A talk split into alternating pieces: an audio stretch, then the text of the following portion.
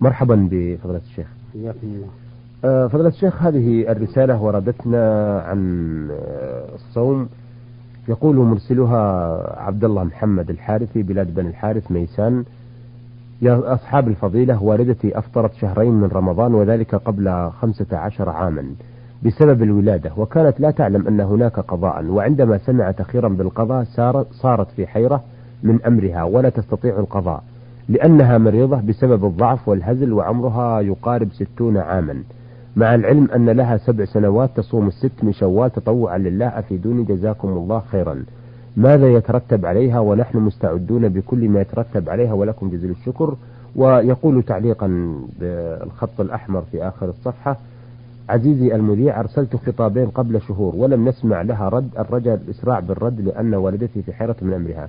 نقول يا أخ عبد الله الحارثي أذيعت رسائلك الأولى وقد عرضت الأولى على فضيلة الشيخ محمد بن صالح العثيمين والثانية على فضيلة الشيخ صالح علي الناصر ولكن ربما أنك لم تسمع الراديو وإليك الإجابة على رسالتك هذه من الشيخ محمد بن صالح العثيمين الحمد لله رب العالمين. هذه المرأة التي فاتها صيام شهرين من رمضان يجب عليها القضاء إن استطاعت. ولو يوما بعد يوم في أيام الشتاء فإذا كانت لا تستطيع هذا وعدم الاستطاعة مستمر لا يرجى زواله فإنها تطعم عن كل يوم مسكينا. نعم. وبذلك تبرأ ذمتها. آه هذه رسالة من أبو زيد منصور. يقول فيها ما حكم الشرع في التسليم على النساء غير المحارم والتقبيل ودخول بيوت الأعمام ومثلا بنات الخال والعم وأقاربه جميعا؟ ويقول ونحن في مجتمع ماش على غير شرع الله ونحن في مجتمع ماش على غير شرع الله ودخول على هذه البيوت بقصد الخير والموعظة الحسنة والأمر بدعوى الأهل والأقارب لتعريفهم ونهيهم عما يضرهم في دينهم. أفتونا وفقكم الله. النظر لا بأس به فيما يظهر غالبا كالوجه واليدين والقدمين وما أشبه ذلك. والسلام عليهن أي على المحارم ومصافحتهن لا بأس به. وأما التقبيل فلا ينبغي إلا للزوجة. وكذلك الأم يقبل رأسها وجبهتها وما أشبه ذلك. وأما غير المحارم فالنظر إليهن لا يجوز ومصافحتهن أشد من النظر. ولهذا لا يجوز للرجل أن يصافح المرأة الأجنبية منه كابنة العم وابنة الخال وابنة الخالة وما أشبه ذلك لأنه لا يجوز له النظر والمس أشد من النظر نعم. وأعظم فتنة. وأما الدخول عليهن بدون خلوة أي على غير ذوات المحارم على غير المحارم بدون خلوة فلا بأس به ولكن بشرط أن يكن متحجبات وغير متطيبات وأن تؤمن الفتنة وإذا اقترن بذلك مصلحة الدعوة والتبصير بالدين كان ذلك خيرا. نعم نعم. آه ذكرتم أنه يقبل آه، زوجته أما الوالدة فإنه يقبل رأسها. آه ألا يجوز أن يقبلها مع الخد أو مع الفم؟ الفم كرهه بعض أهل العلم حتى من الوالدة ومن ذات المحرم. نعم. وشددوا فيه. وبعضهم رخص فيه والخد أهون من الفم. إنما الشيء الذي على سبيل الإكرام وعلى سبيل التعظيم هو الذي يكون في الرأس وفي الجبهة. نعم نعم. أحسنتم. آه، أبو زيد يقول أيضا آه، هل يجوز للإنسان المسلم التفقه في دينه أن المتفقه في دينه أن يلقي المواعظ؟ آه، ولكن يقول الحديث مثلا ليس بنصه وهل يكون عليه إثم في ذلك؟ هذا الذي يذكره معناه أنه يريد أن يروي الحديث بالمعنى. نعم. ورواية الحديث بالمعنى اختلف فيها علماء الحديث هل هي جائزة أو لا. فمنهم من يرى أنها جائزة بشرط أن يكون الإنسان المتحدث عارفا بالمعنى. نعم. وأن ما نقله بمعناه لم يتغير شيء منه. وشرط آخر أن يستوعب أن يستوعب من الحديث ما يجب استيعابه بحيث لا يحذف منه شيئا يتعلق بما ذكره. فإذا كان عارفا بالمعنى واستوعب الحديث على وجه لا خلل فيه فالصحيح أنه جائز. صحيح أنه جائز. نعم. لكن ينبغي أن يختمه بقوله أو كما قال صلى الله عليه وسلم حتى لا يحفظه أحد بلفظه ظانا أنه لفظ الحديث عن الرسول عليه الصلاة والسلام. نعم. نعم. آه هذه رسالة من المرسلة الأخت نون عبد الحفيظ الصبحي. تقول أنا فتاة أتابع دائما البرنامج نور على الدرب وفقكم الله وهذا السؤال أرجو منكم الرد عليه ولكم جزيل الشكر. تقول صمت رمضان السنة الماضية وجاءتني العادة الشهرية وأخذت ستة أيام مثل كل شهر ثم انتهت وبعد كم يوم رجعت مرة ثانية وأنا لا أعرف السبب وأخذت يوم وانتهت وصمت اليوم الآخر ثم رجعت مرة أخرى وهكذا وأنا, وأنا لا أعرف كم يوم أفطرت فيه لأنها متقطعة وفي آخر الشهر رجعت ثاني وأخذت سبعة أيام ولأن التي, ولأن التي أعرفها هي الستة والسبعة الأيام أما الأيام الأخرى المتقطعة لا أعرف كم ولهذا السبب ما صمتها وجاء رمضان الثاني وهي علي ثم صمت وأفطرت فيه خمسة أيام فقط. آه، أفيدوني جزاكم الله خيرا. وهل علي كفارة؟ وهل يجوز لي أن أطعم من بيت أبي؟ عليك أن تقطين ما علمت أنه واجب في ذمتك. فالأيام الخمسة التي عليك من رمضان الثاني يجب عليك قضاؤها. إن كنت لم تقضيها لم تقضيها. وكذلك الأيام المتقطعة يجب عليك قضاؤها. ولكن لا يلزمك إلا ما علمت أنك أفطرت فيه. فإذا قدر أنك شككت هل أفطرت خمسة أيام أو ستة لم يجب عليك إلا قضاء خمسة أيام فقط. نعم. لأنها المتيقنة وما عداها مشكوك فيه. والأصل براءة الذمة. نعم ولكن إن راعيت جانب الاحتياط وأخذت بالأكثر فلا حرج. يعني لو قلت مثلا أنا أشك هل هي خمسة أيام أو ستة وأريد أن أقضي ستة أيام احتياطا فلا حرج عليك في ذلك. إنما الواجب عليك ما تيقنت أنك أفطرت فيه. نعم. وهو الخمسة الأيام في المثال الذي ذكرنا. نعم, أحسنتم آه الأخ بالله محمد يوسف بعث بهذه الرسالة يقول آه أولا ظروف عملي تتطلب مني السفر دائما بين مدن المملكة فهل يجوز لي قصر الصلوات الخمس جميعا؟ وهل أصلي شيء من السنن؟ قصر الصلوات الخمس جميعا لا يجوز لأحد لأن القصر خاص بالصلاة الرباعية نعم. وهي الظهر والعصر والعشاء الآخرة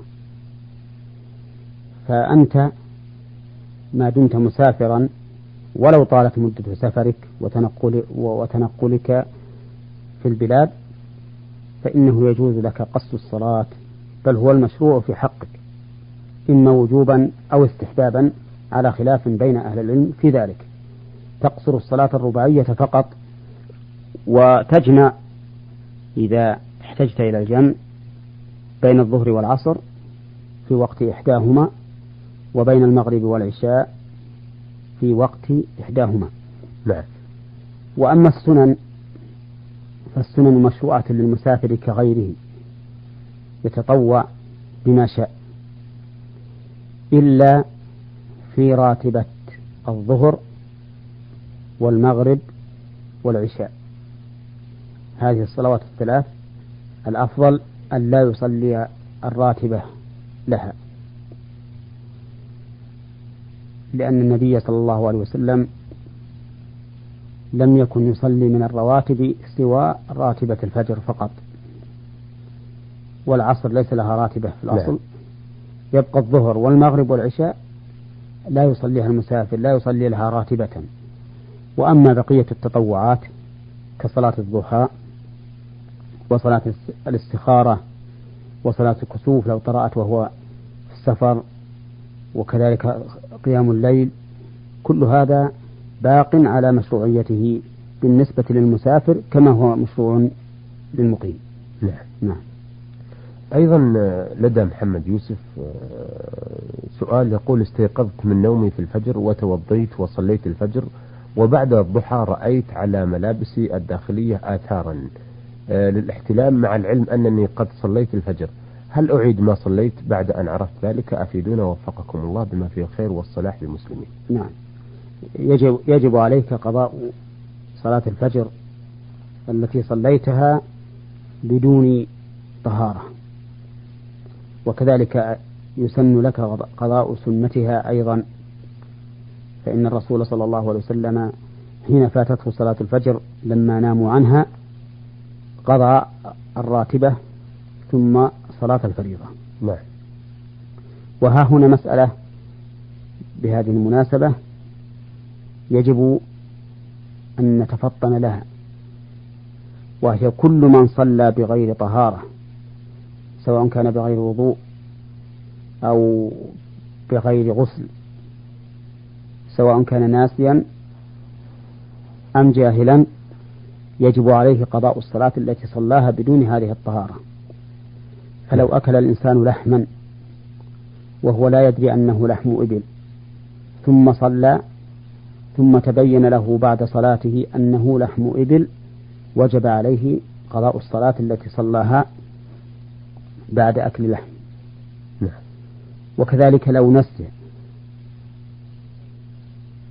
أنه أحدث فصلى ثم ذكر أنه كان محدثا حين صلاته وجب عليه قضاء الصلاة التي صلاها بدون طهارة. هذا بالنسبة للطهارة طهارة الحدث. أما طهارة النجاسة فإن الإنسان إذا كان ناسيا أو جاهلا فصلاته صحيحة ولا إعادة عليه. مثال ذلك رجل صلى وفي ثوبه نجاسة ولكنه لم يعلم عنها إلا بعد بعد انتهاء صلاته فصلاته صحيحة. أو رجل آخر كان في ثوبه نجاسة ونسي أن يغسلها وصلى في ثوبه ثم بعد أن صلى ذكر أنه لم يغسل النجاسة فصلاته صحيحة. ولا إعادة عليه لأنه يفرق بين طهارة الحدث وطهارة الخبث. نعم.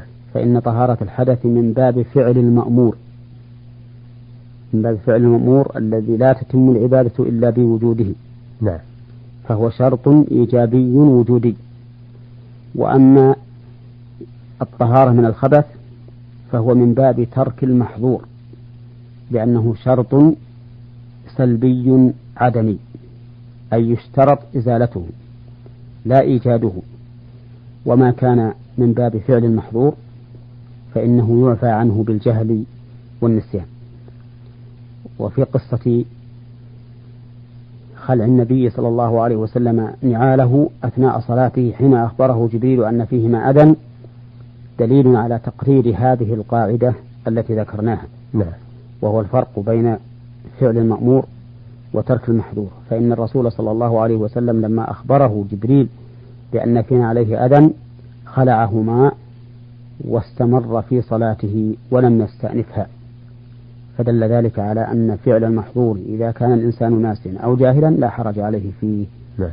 وعليه أيضا لو ذكر الإنسان في أثناء الصلاة أن في ثوبه نجاسة فإن كان يمكنه أن يخلع هذا الثوب ويستمر في صلاته مثل أن يكون عليه ثياب أخرى سواه فيخلعه لأنه الأعلى من الثياب ويستمر في صلاته فهذا هو الواجب عليه.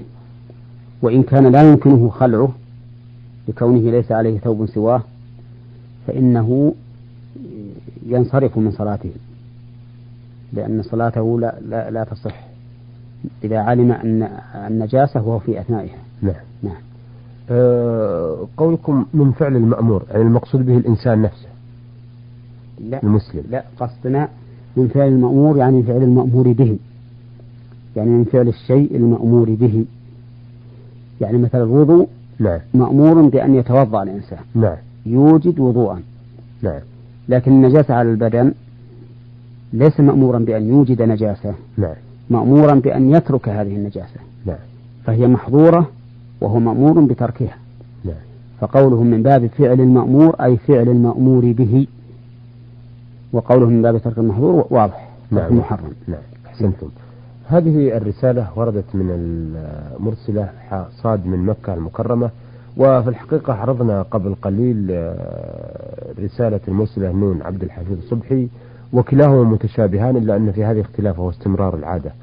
تقول أرجو منكم عرض سؤالي هذا على فضيلة الشيخ المجيب على الأسئلة التي ترد إلى برنامجكم الناجح نور على الدرب. جزاكم الله عني كل خير. أنا فتاة في التاسعة عشرة من عمري. عندما جاءتني العادة الشهرية في رمضان المبارك وانتهت وبعد نهايتها بثلاثة أيام رجع الدم مرة أخرى واستمر معي بقية شهر رمضان. وصمت تلك الأيام التي رجع علي الدم فيها وصليت فهل أعيد صيام تلك الأيام أم لا؟ إذا كان هذا الدم الذي أصابك آه، دم استحاضة يعني بكونه استمر معك كل الشهر أو أكثره فإن فإنه لا قضاء عليك لأن دم الاستحاضة لا يمنع الصوم ولا الصلاة. نعم. وأما إذا كان دم حيض بحيث إنه آه، مر بك في أيام معلومة وانقطع فإن عليك أن تقضي ما صمت فيه. لأن لأن دم الحيض لا يصح الصوم فيه. نعم أحسنتم. آه، آه، أيضا ثم إنه بهذه المناسبة أود أن أبين للنساء أن من أكثر ما يكون سببا لاختلاف العادة واضطرابها تناول الحبوب المانعة للحيض. فإن هذه الحبوب المانعة للحيض وإن كانت في أصل الشرع جائزة من حيث هي نعم. لكن نظرا لما ينتج عنها من اختلاف العادة واضطرابها فإننا ننهى النساء عن تناولها. ثم إن إنه فيما يظهر أن فيها ضررا على المرأة لأن حبس شيء من الطبيعة أن يخرج لا شك أنه يؤثر على الجسم رد فعل. نعم. ولذلك نحن نحذر النساء من استعمال هذه الحبوب المانعة للحيض لما ذكرنا من مفاسدها وإن كانت حسب ما قاله أهل العلم ليست ليس بها بأس. نعم, نعم. أه سؤالها الثاني والأخير تقول هل يجوز لي أن أقرأ في القرآن وأدخل الحرم في تلك الفترة التي رجع علي الدم فيها أم لا؟ الآن المسألة قد انقضت لكنها لا. لو تكررت. لكن لو تكررت. نعم. فإذا تكررت إذا حكمنا بأنها حيض بحيث رجعت واستمرت كما يستمر الحيض العادي وهي أيضا بطبيعة دم الحيض فإنها لا يحل لها أن تدخل الحرم. وأما القراءة قراءة القرآن فإن الراجح عندنا أن الحائض لا تمنع من قراءة القرآن إذا احتاجت إلى ذلك. نعم. لكونها مدرسة تدرس البنات مثلا نعم. أو طالبة تريد اختبار أو تخشى النسيان فإنه لا حرج عليها في تلاوة القرآن حينئذ. بحمل المصحف أو حفظا؟ نعم حفظا أو نظرا. أحسنت حفظا أو نظرا. الله. أيها السادة إلى هنا نأتي على نهاية لقائنا هذا الذي استضفنا فيه فضيلة الشيخ محمد بن صالح العثيمين الأستاذ بكل الشريعة في القصيم وإمام خطيب الجامع الكبير بمدينة عنيزة. وقد عرضنا عليه أسئلة السادة.